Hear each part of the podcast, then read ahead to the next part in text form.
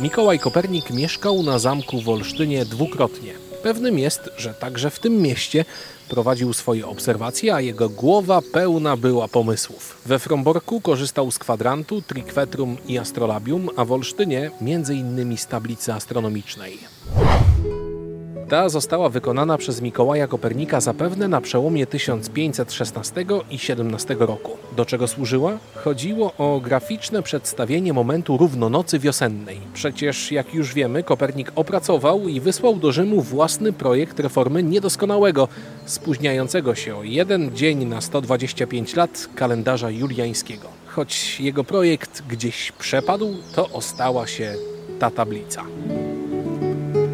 Po drugie, chodziło o to, że takie graficzne przedstawienie wiosennej równonocy pozwalało również ustalić daty ruchomych świąt kościelnych.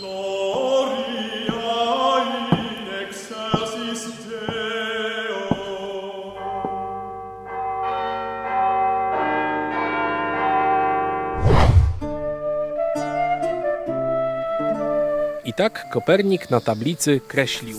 Wykreślił 17 linii. Te odpowiadają wędrówkom odbicia promieni słonecznych w pięciodniowych odstępach. Jak ustalili naukowcy, 16 z tych linii pokazuje ruch Słońca, oczywiście ten pozorny po nieboskłonie. Jedna linia jest natomiast prosta i to właśnie ona pokazuje wiosenną równonoc. Na tablicy jest podkreślona na niebiesko i oznaczona napisem. Do dnia dzisiejszego z tego napisu pozostały tylko trzy literki I, C oraz T. Być może to pozostałości po łacińskim napisie equinoctium, pisane jako AEQ i noctium, co oznacza oczywiście równonoc. Jaki zakres ma ta tablica? Które momenty roku obserwował Kopernik?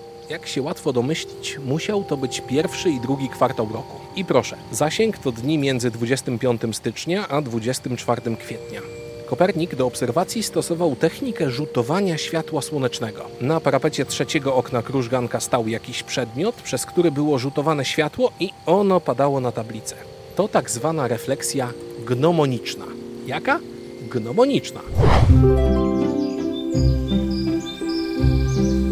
Jak twierdzi specjalista od zegarów słonecznych Krzysztof Igras, jest to nawet pierwsza znana w świecie realizacja, która wprowadziła w budowie zegarów słonecznych zasady refleksji, później tak często wykorzystywaną w epoce baroku.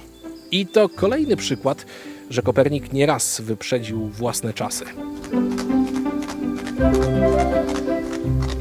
Ale po zakończeniu Soboru Laterańskiego i prac nad reformą kalendarza, Mikołaj nie spopularyzował swojego projektu. Przez długi czas sama tablica, jak i odkryta przez niego zasada refleksji pozostały nieznane.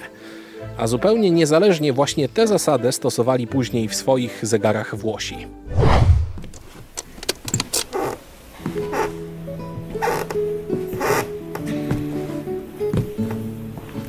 Trzecie okno krużganka to tam właśnie stał przedmiot odbijający światło. Być może było to naczynie z rtęcią.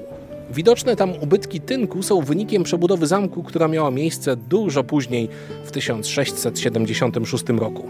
Krużganek i samą tablicę, która tam wisiała, podzielono ściankami działowymi, a te zlikwidowano dopiero w XIX wieku. Naukowcy sprawdzili, czy tablica działa. Po prostu powtórzyli eksperyment Kopernika polegający na obserwacji zjawiska równonocy wiosennej i jesiennej. I to właśnie dlatego przez kilka lat na południowej ścianie zamku mogliśmy zobaczyć kopię przyrządu Kopernika.